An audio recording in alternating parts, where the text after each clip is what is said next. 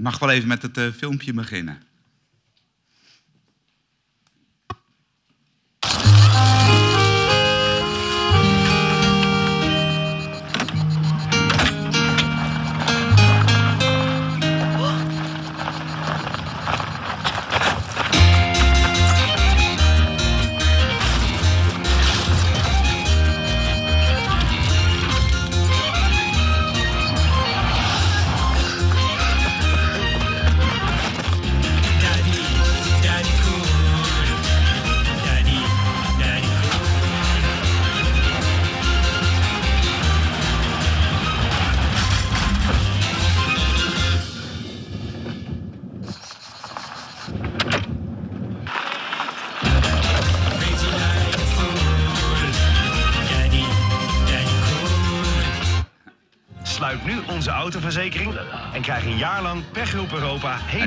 Gratis. Die reclame hoeft er niet bij, maar het is denk duidelijk. Buongiorno. Benvenuto. Nu stop ik. Ook de familie. Ehm, voordat ik ga beginnen, ik wil het met jullie hebben over fouten maken mag. En daarvoor wil ik graag eerst bidden. Vader in de hemel, dank u wel, Heer, dat we tot u mogen komen. Dank u wel, Heer, dat van uwentwege, zegt mijn hart, zoekt mijn aangezicht. Heer, al voordat wij wakker worden, is uw oog al op ons. Heer, en verlangt u ernaar om ons te ontmoeten, om de dag met ons te beleven, om samen met ons op te trekken, om in ons te zijn, om onze gedachten te sturen en te vormen en te voeden met uw liefde en uw waarheid. Heer, en Daarom wil ik ook in volle vrijmoedigheid nu vragen, Heer, om in ons midden ook onze harten te openen. Heer, om ons gedachten vrij te maken, zodat we kunnen zien en begrijpen en ervaren wat uw woord is ook voor ons deze morgen. Heer, zend daartoe uw Heilige Geest en vervul ons, Heer, en ook mij. Heer, niet op basis van mijn eigen werken, maar op basis van uw genade. Heer Jezus, dat u uw leven hebt gegeven voor mij. Heer, dat ik niet meer mezelf toebehoor, maar een kind van u mag zijn. Dank u wel daarvoor. In Jezus' naam. Amen. Ja, ik wilde even dat zo laten zien. Ook om al als inleiding om eens te kijken van hoe u dat beleeft. En ik vind het zo'n grappig filmpje, omdat ehm, ja, ook als christen, ik ben opgevoed in een christelijk gezin, eh, in een Calvinistisch, protestants-christelijk gezin. En ik ben opgevoed dat je graag alle dingen goed wil doen. Kent u dat? En het, het idee dat je fouten maakt, dat, dat, dat is altijd een beetje iets van... oeh, dat mag niet, dat kan niet. Tenminste, ik spreek daarin voor mijzelf. En misschien dat de wereld daar tegenwoordig wel in verandert, maar... ehm, ik denk dat we het allemaal wel herkennen. Dat we bang zijn om fouten te maken. En dit is zo'n voorbeeld van een vader. En ik ben inmiddels, ik ben ook al jaren vader. We hebben drie kinderen. Maar ook toen wij begonnen in ons leven als eh, vader en moeder van onze kinderen, eh, vol toewijding aan de Heer, dan denk je dat kan eigenlijk alleen maar goed gaan. Of het mag ook eigenlijk alleen maar goed gaan. Ik ga u niet alles vertellen, maar ik kan u vertellen dat er heel veel niet goed is gegaan. En toch ook weer heel veel goed. Omdat het niet mijn weg is zoals ik het bedacht heb, maar het is zijn weg met mijn leven en dat van mijn vrouw en mijn kinderen. Maar ik herken me er zo in als ik dat voorbeeldje ook zo zie. En ehm, ja, dan, ik weet niet wat u bekruipt, maar soms heb je ook in het leven dat je denkt: oh nee, hoe kan het nou dat ik nou die sleutels daarin heb laten zitten? Het is maar een heel simpel voorbeeld, maar het is een metafoor van zoveel dingen die je soms in één keer overkomen dat het misgaat. En mijn eerste in, idee is dan altijd, dat moet ik oplossen. Dat moet ik weer repareren. Dat moet weer goed komen. Nou, net als die vader die... Ik denk trouwens dat het misschien wel in Italië is opgenomen, want wij hebben geen bergen hier. Hè? dus dat, dat, dat vind ik ook mooi van Italië. Maar ehm, ja, en hij gaat proberen uit eigen kracht dat te doen. En hij rent en hij fietst en hij loopt en hij probeert het op te lossen. Maar uiteindelijk komt hij erachter, dat gaat mij niet lukken. En eigenlijk, het is even met een knipoog, maar het gaat hier om een verzekering. Hè? Even Apeldoorn bellen. En ik ga er nu verder niet een hele preek over houden, maar bent u goed verzekerd? Dat is natuurlijk wat ik bedoel. Want dit leven houdt op. Er is een dag dat wij dit aardse bestaan zullen verlaten. En ehm, dan komt het erop aan, is je leven geborgen in Hem? Zodat je weet dat je toegang mag hebben tot het eeuwige leven. Dat is de beste verzekering die we kunnen hebben. Waar ik mee wil beginnen is eh, ehm, om iets te vertellen over ehm, een, een, vertrekpunt om te kijken. Ik moet even de tijd bouwen, want we hebben afgesproken dat het niet te lang zou duren. Dus eh, dat wil ik nog wel eens vergeten, dus anders krijg ik een seintje.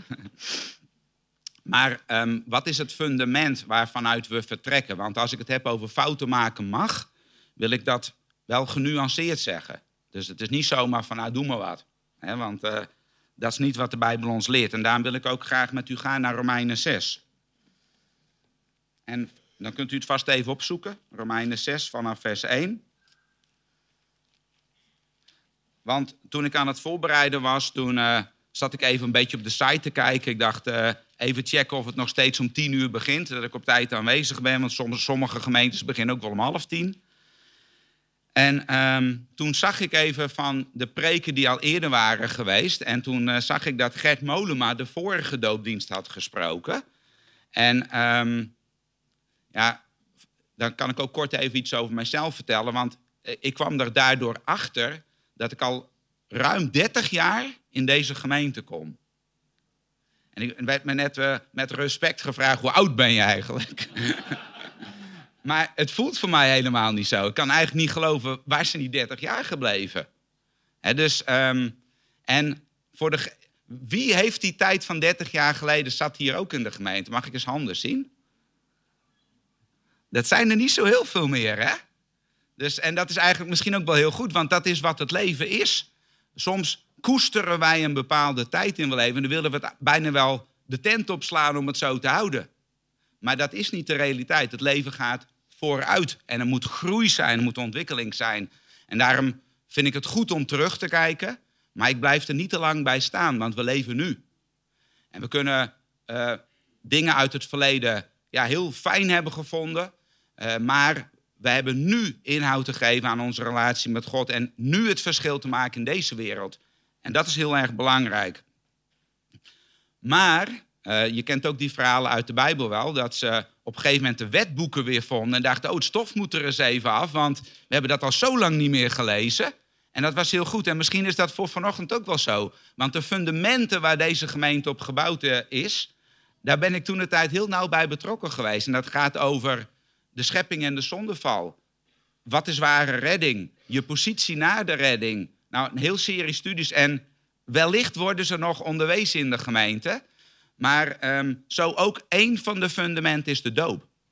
En de doop is veel meer dan alleen maar een soort ritueel van iets met water. En nee, de doop is een getuigenis. En ik ga geen bij- bijbelstudie geven over de doop, maar wel kort iets daarover zeggen. De doop is een getuigenis hier voor ons in de zichtbare wereld. Maar veel meer nog dan dat, een getuigenis, een uiterlijk teken in de geestelijke wereld. Want als je tot bekering komt, dan zegt de Bijbel ook, je was dood. Nou, dood, dat is niks. Maar je bent levend geworden. Levend voor, de, voor het koninkrijk van God. En dat is heel erg belangrijk om te weten. En in die geestelijke wereld, daar is waar wij ons nu bewegen. Als wij bidden, treden wij toe in die geestelijke wereld. Mogen wij in het koninkrijk van God voor zijn troon pleiten, zodat hij vanuit de hemel ook dingen hier op aarde kan bewegen. Dus daarom vind ik dat lied ook zo mooi, mooi van als gebed de hemel raakt. Als de hemel de aarde raakt. Dat is ook wat we hier nu graag vanochtend willen beleven. Die ontmoeting met hem en zijn werkelijkheid en zijn kracht in ons leven, hier en nu. Over de doop het volgende. Ik ga er een paar, dat stukje even bij langs. Wat zullen wij dan zeggen? Mogen wij bij de zonde blijven? Even in het kader van fouten maken mag. Er staat hier, opdat de genade toenemen. Volstrekt niet. Dat is niet denkbaar. Dus daar wil ik wel even heel in dat kader wil ik het oh, hebben over fouten maken. Maar mogen wij in de zonde blijven leven? Nee.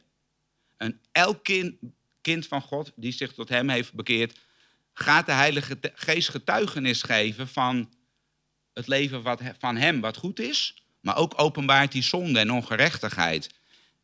En daar mogen we afstand van nemen. Daar zullen we ook kracht voor hebben, zal ik u straks laten zien, om zonde te overwinnen in ons leven. Maar het uitgangspunt is dat we niet bij de zonde willen blijven. Mogen blijven zelfs. Want dat zou eigenlijk ehm, een. Daarmee zouden we het, offer van Jezus verloochenen, snapt u? Want hij is gestorven om de zonde te vergeven, maar ons ook kracht toe te geven om een heilig leven en een rein leven te kunnen leven. En als we zeggen, ja, maar ik ga maar door, dan neem ik het offer van Jezus Christus niet serieus. En dat, dat zou niet kunnen. Dan ga ik even verder. Ehm, immers, hoe zullen wij die der zonde gestorven zijn, daarin nog leven? Of weet gij niet dat wij allen die in Christus Jezus gedoopt zijn, in zijn dood gedoopt zijn? Wij zijn dan met hem begraven door de doop, in de dood, opdat gelijk Christus uit de doden opgewekt is door de majesteit des vaders, zo ook wij in nieuwheid des levens zouden wandelen.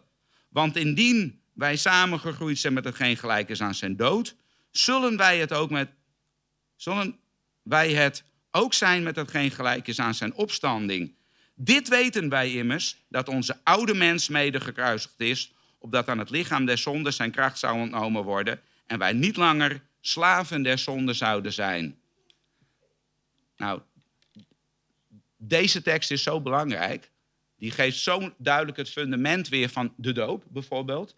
Dat het oude leven, het oude zondige hart, dat is met Christus gestorven aan het kruis. En in, het, in de doop laten wij zien dat de dood van Jezus, zijn dood is ook mijn dood. De dood van mijn oude mens. Diegene die slaaf is van de zonde, blijft achter in het graf.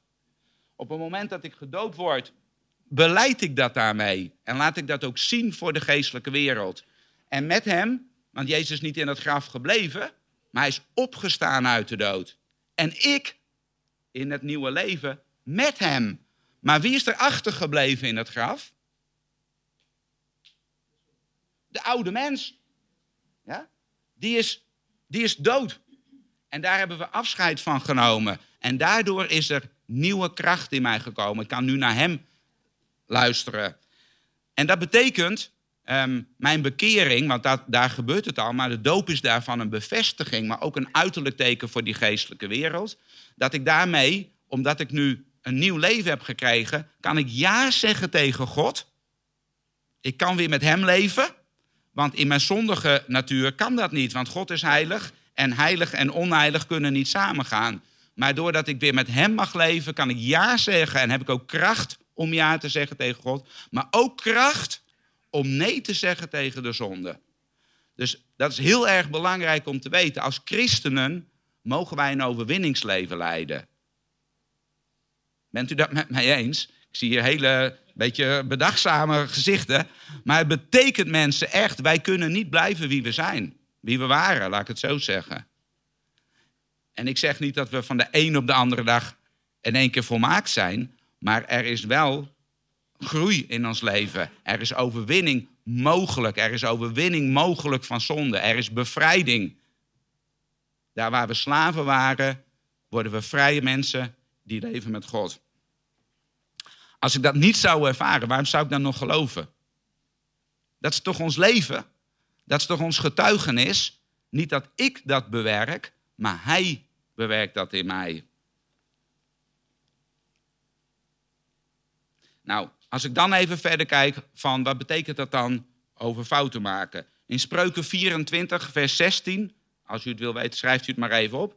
Maar er staat, de rechtvaardige valt zeven keer, doch staat weer op. Dus, het, en lees het maar in de Bijbel, maar kijk ook maar om je heen. Is het mogelijk dat wij nog fouten maken als christenen? Is er iemand die zegt nee?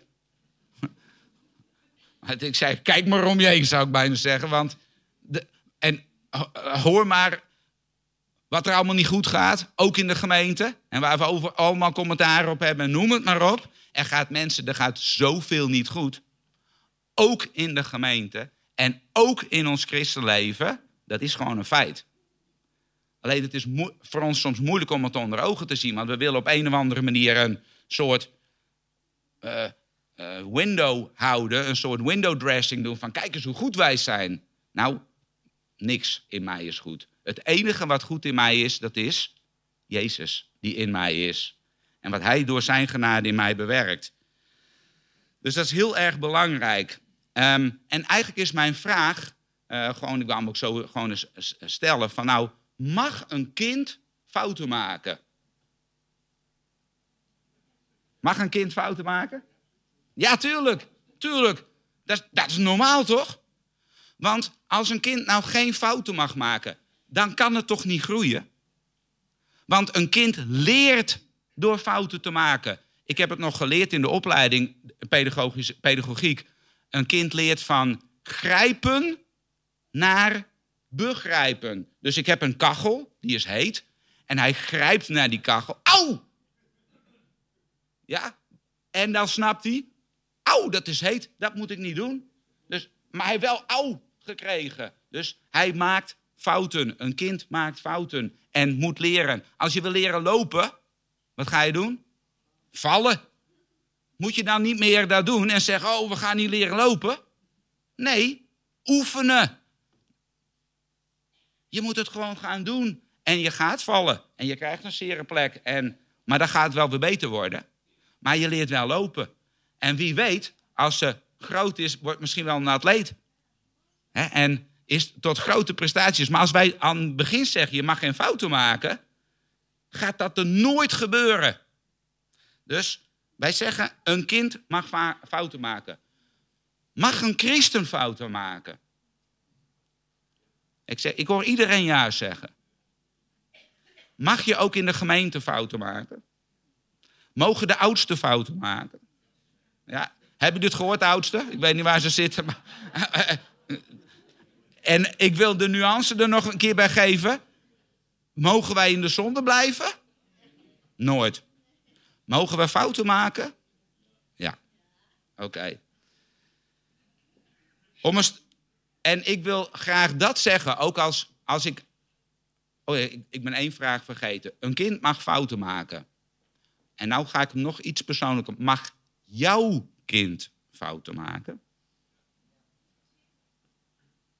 Ik zal heel eerlijk zeggen, als, toen ik, zeg maar, toen wij kinderen kregen, had ik precies hetzelfde antwoord gegeven. Ja hoor, mijn kind mag fouten geven.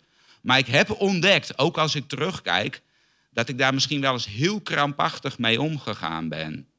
Dat ik het zo verlangde dat mijn kinderen precies dezelfde weg zouden gaan dan dat ik dat in het hoofd had. En dat ik het heel moeilijk heb gevonden dat mijn kinderen andere keuzes maakten dan dat ik dacht dat goed was. Ik zie hier ook wat oudere mensen knikken, dus dat doet me wel goed om, eh, om dat te zien. Maar is dat ook niet vaak een realiteit? Dus we weten het wel, maar als we dat moeten meemaken in ons leven, kan het wel eens heel moeilijk zijn. Maar het mooie is wel, mensen, gooi het weg. Laat het los en geef het alsjeblieft over aan Hem. Want laat onze kinderen alsjeblieft de ruimte en de vrijheid krijgen om zelf die weg met de Heer te ontdekken. Niet op mijn manier, maar vertrouw Hem maar. Want ik ben inmiddels, mijn zoon is 30. Hij is nog steeds niet waar hij moet zijn. Maar ik zie zo Gods werk in zijn leven. Ik kan er alleen maar van getuigen. En dan denk ik, Heer, wat bent u goed? Waar het op uitkomt, weet ik ook niet, maar ik vertrouw hem. Dan wil ik graag een paar principes delen, want dat is, ik wil drie aspecten noemen van die horen bij een normaal christelijk leven.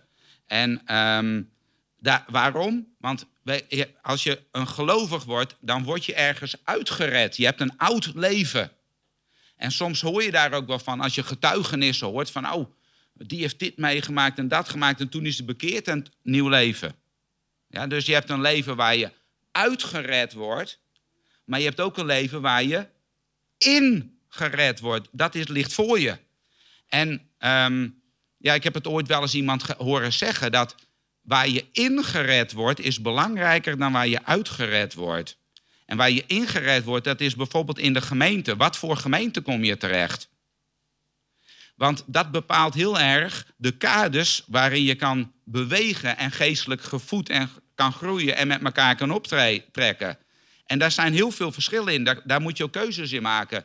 Hoe ziet de gemeente eruit? Wandelen wij naar de weg van de Heer? Want als wij dat niet doen, beperken wij de groei van de gelovigen ook in de gemeente. Ik vond het grappig, ik had hem even stiekem van de wc meegenomen. Want ehm, er hing een prentje. God kijkt niet waar je vandaan komt. Heb je hem wel eens gezien in de wc? Oh, er gaan gelukkig nog meer mensen naar het toilet. Maar, maar waar je naartoe gaat, dat is belangrijk. Vergeet wat achter je ligt en strek je uit naar wat voor je ligt. Dan wil ik het hebben. De eerste principe om te hanteren in je geestelijk leven, voor jezelf, maar ook voor de gemeente, is dat de basis van ons geloof ehm, in het samenwerken, dus ik wil niet te veel in geestelijke begrippen en termen praten, maar gewoon in dingen die, waar we het over kunnen hebben met elkaar, dat is vertrouwen. Als er, ik heb vertrouwen nodig in mijn relatie met God, dat betekent hoe zie ik hem? En dan wil ik u bijvoorbeeld noemen, uh, Jesaja 43 vers 4 staat, omdat gij kostbaar zijt in mijn ogen en hoog geschat. Zijn oog op u is een oog van liefde. Is van dat, dat jij bent kostbaar in zijn ogen en hoog geschat. En daarom heeft hij zijn zoon voor ons gegeven. Heeft hij het, het meest kostbare wat hij bezat voor ons overgegeven. Dus ja, als dat geen basis voor vertrouwen is, ja, als hij dat voor mij overgegeven he- he- heeft, dat is waarom ik ja durf te zeggen. Een vader die mij zo lief heeft, daar, daar, daar voel ik mij veilig. Daar, daar ben ik veilig. En ik kan er ook van getuigen. Wat ik ook meegemaakt heb in mijn leven, de domme dingen die ik heb gedaan, de goede, hij is er altijd bij geweest. God heeft mij nooit teleurgesteld in zijn veiligheid, in zijn betrouwbaarheid in mijn leven. Dus hij zegt, je doet ertoe, je bent waardevol. Maar vertrouwen ehm, is ook nodig ehm, in de gemeente. En dat is iets, gemeente beleef je niet, zijn beleef je niet alleen op zondagochtend. Dit is nog redelijk veilig, hè? we zitten allemaal op een eigen stoeltje. Je kan nog kiezen van, oh, die vind ik niet zo aardig, dan ga ik daar zitten. Bij wijze van spreken. Maar gemeente zijn is ook leven met elkaar. En ik geloof nog veel meer dat de gemeente ook een roeping heeft om het werk van God te doen. Dus we zijn niet alleen ehm, geroepen om kerk te zijn, kerk te spelen. Nee, we zijn geroepen om verschil te maken in deze wereld. Om de opdracht die God heeft gegeven, uh, jullie hebben volgens mij op de, op de website staan, maar om alle volken tot zijn discipelen te maken. Dus om de boodschap door te geven. En daarom is het goed hè, dat je dus ook uh, gemeentezondagen hebt. Dan kan je ze op een andere manier met lekker eten. En uh, dan leer je elkaar kennen, ook als familie. Maar alleen maar de gezellige dingen met elkaar beleven is niet genoeg. Want ik geloof dat je elkaar pas echt leert kennen als je met elkaar het werk doet. Kijk maar eens ook in je eigen werk wat je hebt. Je collega, waar je acht uur per dag mee optrekt, die leer je vaak beter kennen. Want je moet door dik en dun met elkaar, toch? Want je moet samen de klus klaren. En dat is ook in de gemeente. Dus het alleen maar gemeente zijn door leuke dingen met elkaar te beleven, daar geloof ik persoonlijk niet in. Ik geloof dat we een roeping hebben, een, een missie. Dus dopen is één, maar we zijn ook geroepen om de Heer te volgen. Om voor Hem het werk te doen wat Hij voor mij heeft voorbereid. Dus ik hoef niet zelf allemaal dingen te bedenken. Hij weet al lang waar hij mij voor wil gebruiken. En als je zo mag uh, uh, oefenen om elkaar beter te leren kennen, dat is enorm belangrijk. Ik had van de week een voorbeeld daarvan. Ik, uh, ik ben dus directeur van een school. En uh, ik heb een teamleider. En wij hebben allebei een heel ander karakter. Ik ben veel meer extrovert en hij is veel meer introvert. Hij stopt alles eerst van binnen. En ik gooi alles er altijd gelijk uit, zeg maar. En um, maar we zijn, eh, hij is niet gelovig, ehm, maar we zijn echt vrienden geworden. Dan kan ik, kan, eh, eh, maar we zijn ook gewoon professioneel, want we doen ons werk. Maar de laatste tijd ehm, was dat gewoon heel erg druk. Moesten hard werken. ehm, en dan groei je wel eens even een beetje... Ja, je ziet elkaar minder, je communiceert wat minder. En da- dan stapelt er wel eens wat, wat dingen op in je... dat je denkt, haha, eh, helemaal niet zo fijn. En ehm, ja, omdat er nog veel werk te doen was... ehm, had ik voorgesteld, ik zeg nou, vrijdagmiddag... dan gaan we wel eens even buiten de school op een aparte locatie. Dus dan werken we tot zes uur door... En dan gaan we daarna nog even eten met elkaar, met z'n tweeën. Nou, hij heeft er helemaal niet fijn om, om op vrijdagmiddag tot zes uur te werken. Want bij de meesten, ik weet niet, misschien heeft u het ook wel drie uur 's middags, vrijdag, dan begint het weekend ongeveer. Maar ja, en daar heeft hij dan weer pech met mij, want ik heb zoiets, we moeten het werk doen, dus we gaan door. En dat hadden we ook gedaan. We zijn intensief aan het werk geweest. Maar ook omdat we nog samen gingen eten, hadden we in één keer tijd om even te praten over dingen.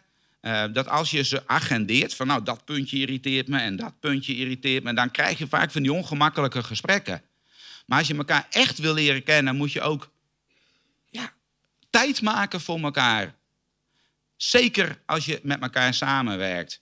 En dat is ook van heel erg belang in de gemeente als oudste. Dat je niet alleen je oudste vergaderingen hebt, maar ook geïnteresseerd bent in elkaars leven.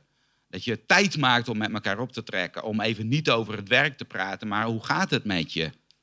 En dat geldt niet voor de oudste alleen, maar dat, dat geldt voor ons allemaal.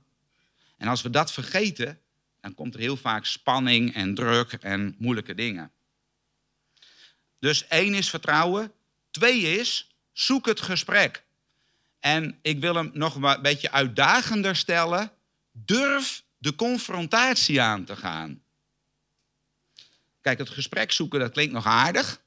Maar confrontatie klinkt een beetje als... oh, ik ben het ergens niet mee eens en dat ga ik ook zeggen. Ik bedoel het op een constructieve manier. En ehm, dat wil ik eerst eens vertalen in je leven met God. Durf het gesprek aan te gaan met jouw hemelse vader.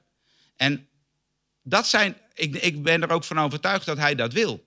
Hij wil de diepste redenen van jouw hart, dat je die met hem deelt. En ik kan bijvoorbeeld zelf getuigen dat in een periode in mijn leven... dat er enorme problemen waren in de gemeente... en waar ik ook als oudste bij die gemeente betrokken was... dat ik het even helemaal niet meer snapte. Toen ik, eh, ik ben al heel jong tot geloof gekomen, toen ik een jaar of dertien was. En ik heb altijd vol passie en vuur de Heer gevolgd tot op de dag van vandaag. Dus da- daar is niks aan veranderd. Maar wij, ik geloof in de gemeente. En toen wij ne- eh, 21 waren, toen, wij, toen ik, ik getrouwd ben met Iris op mijn 23e, zijn wij zendingswerk gaan doen om de gemeente te bouwen in Nederland. En alles wat ik daarvan dacht, hoe het zou moeten, dat leek wel voor mijn ogen in elkaar te storten. Dus ik snapte er helemaal niks meer van. En ik weet nog dat ehm vlak bij Borger, want ik woon dus in Drenthe, en dat, dat even terzijde, maar daar bij Nieuwbuinen is zo'n beetje het hoogste punt van de, van de Hondsrug. En dat vind ik een fijne plek om naartoe te gaan. En dan rijd ik daar naartoe. En daar, daar zie je niet zoveel mensen. Maar het was een keer toen ik daar in de, in de put zat, ben ik daar naartoe gegaan. En ik heb het letterlijk uitgeschreeuwd naar God. Echt. Waarom? En misschien wel gehuild, omdat ik het niet meer snapte. Maar ook, en is dat dan verwijtend? Ja, ik heb alles gezegd wat er in mijn hart zat, maar ik weet dat hij mij hoorde. En dat bedoel ik, durf het gesprek aan te gaan met God. Want hij, hij, hij kijkt er echt niet vreemd van op. Hij weet al lang wat er in jouw hart is. Maar maak het hem bekend. Maak van je hart geen moordkuil. En in de liefde van hem gaat er altijd oplossingen komen. Daar ben ik van overtuigd. Maar dat is ook in de gemeente. Dat is ook in je huwelijk. Mooi om te horen dat jullie ook een huwelijkcursus doen. Ah, Jij zei een APK kun je wel eens doen. Nou, volgens mij moet het één keer per jaar hoor. Maar dus doe het geregeld. Maar ook in je huwelijk. Werk eraan. Ga, verwaarloos het niet. Maar in deze is die basis van vertrouwen er, was één. En twee, voer je het gesprek met elkaar. Maak van je hart geen moordkuil. Als je elkaar werkelijk lief hebt, ben je, moet je in staat zo'n dingen met elkaar op tafel te krijgen. En ik weet dat dat soms ook heel moeilijk kan zijn, maar zoek dan hulp. Zoek er dan iemand bij die je kan helpen met dat soort dingen. Maar durf het gesprek te voeren. En dat zeg ik ook voor de gemeente. Als je ergens mee zit, zoek elkaar op. Zoek de oudste op. Durf het gesprek te voeren. Maak je redenen waar, wat je dwars zit bekend. Maar uiteindelijk, en dat is wel heel erg belangrijk, erken ook het gezag van de oudste en het gezag van de Heer. Dat niet jouw wil beslissend is, want omdat jij gelijk hebt, maar durf dat los te laten. Maar ik durf te zeggen, als je gehoord wordt, is het makkelijker om te accepteren dat er een besluit genomen moet worden. Maar de opdracht aan de oudste is ook om te horen. Dus als mensen met een ding komen en zeggen, ja, ja, ja. Dat is niet luisteren. Als je echt luistert naar wat mensen beweegt, dan ben je ook werkelijk geïnteresseerd en neem je wat mensen ook dwars zit serieus. Dat moet van twee kanten komen. Ik heb een voorbeeld over fouten maken mag en het gesprek aan durven gaan. Ik merk dat het overal heel moeilijk is, ook in mijn werk. Ehm, ik heb een, een van mijn coördinatoren in de school. Eh, er was een bepaalde opdracht die moest gebeuren. Wij wilden gaan werken met een leerlingenrapport. Eh, ik ga het allemaal niet uitleggen, want dat kost veel te veel tijd. Maar met deze coördinator was ik daar in gesprek en die zou dat, moest dat met het team gaan regelen. En we hebben zo rond de zomervakantie die plannen besproken. En toen vroeg ik aan hem, Rob, wanneer denk je, wat is nou realistisch? Je mag het zelf aangeven, wanneer denk je dat deze klus geklaard is? Hij zegt, Chris, herfstvakantie, heb ik alles voor elkaar. Ik dacht bij mezelf, poeh. Dus ik heb nog wel gezegd, weet je het zeker? En hij zegt, eh, ja, kom voor elkaar. Ik zeg, ga ervoor. Kom op, je kunt het. Rond de herfstvakantie. hey Rob, hoe is het? Ik zag Rob al een beetje wat rood worden. Ken je dat? Als je dan even iemand zo moet spreken. Dus we hadden het er even over. Ik zeg, is het gelukt? "Eh, nee, het is eh, niet gelukt. Ik zeg, geeft niks. Maakt niet uit. Ik zeg, wat heb je nodig? Heb je hulp nodig? Nee, ik heb geen hulp nodig. Maar wanneer denk je dat het klaar kan zijn? Kerstvakantie. Ik zeg, goed, gaan we doen. Was trouwens voor mij al heel moeilijk om dit zo toe te laten hoor, maar dat is even terzijde. Maar ehm, kerstvakantie, hetzelfde verhaal. En toen heb ik gezegd, nou, kerstvakantie nog steeds niet gelukt. Zullen we dan zomervakantie afspreken? Nou, zo, dat was een jaar lang. Maar aan het einde van het gesprek hebben we, had ik weer een gesprek met hem gepland. En er was helemaal niks van terechtgekomen. En toen heb ik hem het gesprek gevoerd, maar hem ook geconfronteerd van wat is er nou gebeurd. Toen zei hij, ik heb het niet waar kunnen maken. Ik ben tekort, ik heb het niet goed gedaan. Ik zeg, prima. Dat geeft niks. We hebben het erover gehad. En het feit dat hij tot die erkenning kwam, toen heb ik gezegd van nou, wat je ook wil, we kunnen een plan maken om het alsnog uit te voeren. Maar je kunt ook zeggen van nou, misschien is dit niet een taak die bij mij past. Misschien is het beter dat iemand anders het gaat doen. We zijn eruit gekomen dat hij gezegd heeft, ik wil het graag nog een jaar proberen. Ik heb wel hulp nodig.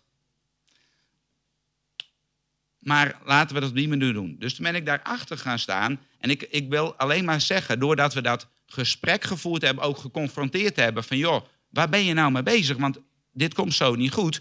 En ik heb ook mijn verantwoordelijkheid als directeur. We maken afspraken, dat wordt ook gecontroleerd. Het moet wel een keer gebeuren. Dus ik ben er niet omheen gaan lopen. Ik heb hem wel laten zien waar het over gaat.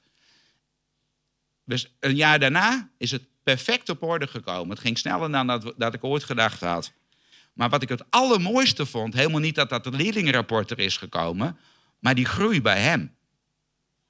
Ik heb iemand zo zien ontwikkelen in hoe hij omgaat met problemen, maar ook om naar zichzelf te kijken en hulp te durven vragen en noem het maar op.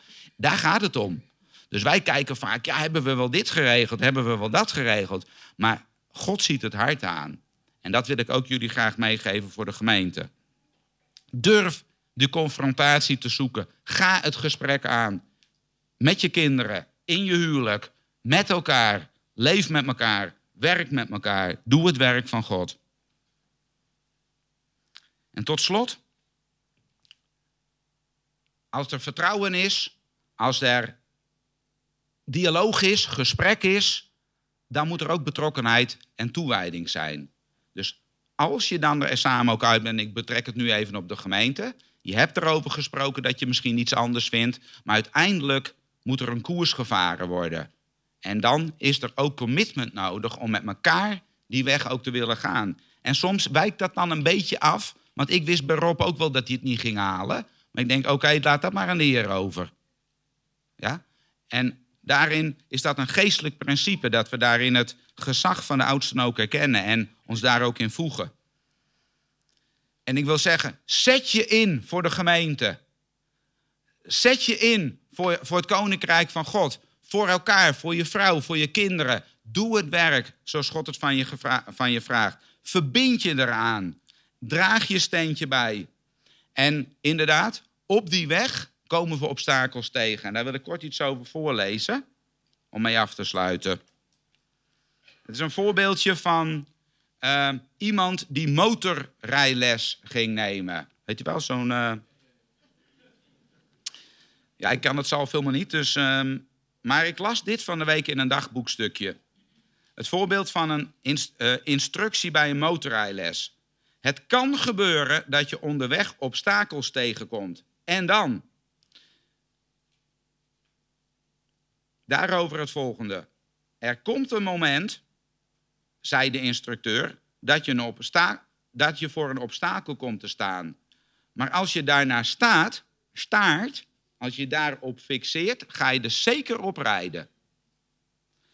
Alleen als je je oog gericht houdt op het doel, ga je bijna als automatisch om je obstakel heen. Nou, dat vond ik zo'n mooi principe. En ik denk, volgens mij is dat een geestelijk principe. En daar wil ik ook de, graag mee afsluiten. In Hebreeën 12 lezen we dat ook. Hebreeën 12 vanaf het eerste vers. Daarom dan laten ook wij, nu wij zulk een grote wolk van getuigen rondom ons hebben, afleggen alle last en zonde. We blijven niet in de zonde, zoals ik zei. Die ons zo licht in de weg staat en met volharding de wedloop lopen die voor ons ligt. Laat ons oog daarbij alleen gericht zijn op Jezus, de leidsman en verleider des geloofs. Nou, dat is onze opdracht. Ook in het leven wat we te lijden hebben, we gaan obstakels tegenkomen. En we gaan ook wel fouten maken. Maar laat ons oog alleen gericht zijn op Jezus, de leidsman en voleinder. Hij gaat het ook afmaken in jou en mijn leven en in deze gemeente. En laten we Hem blijven volgen, ons oog op Hem gericht. En dan mogen we grote dingen van Hem verwachten. Ik ben, zie ernaar uit om deel te genoten te zijn van het getuigenis van jullie doop. Eh, wat een nieuw markeringspunt ook is, ook voor de hemelse gewest op dit moment. Dat wij niet langer onszelf toebehoren, maar Hem. Amen. Zal ik bidden met jullie? Vader in de hemel, ik wil u danken dat wij mogen leven met u. Heer, ik wil u danken dat u ons uw woord hebt gegeven, maar ook dat u, Heer Jezus, als levend voorbeeld naar deze wereld bent gekomen om ons te laten zien hoe het normaal christelijke leven eruit ziet. En Heer, ik wil u bidden dat we mogen groeien in vertrouwen, in onze relatie met u, in mijn relatie met u. Heer, dat ik u volledig durf te, vertrouwen en met u te, leven. Ik bid dat voor een ieder die hier is, voor vertrouwen. Heer, ehm, we zeggen het zo makkelijk, maar soms is het ook zo vreselijk moeilijk.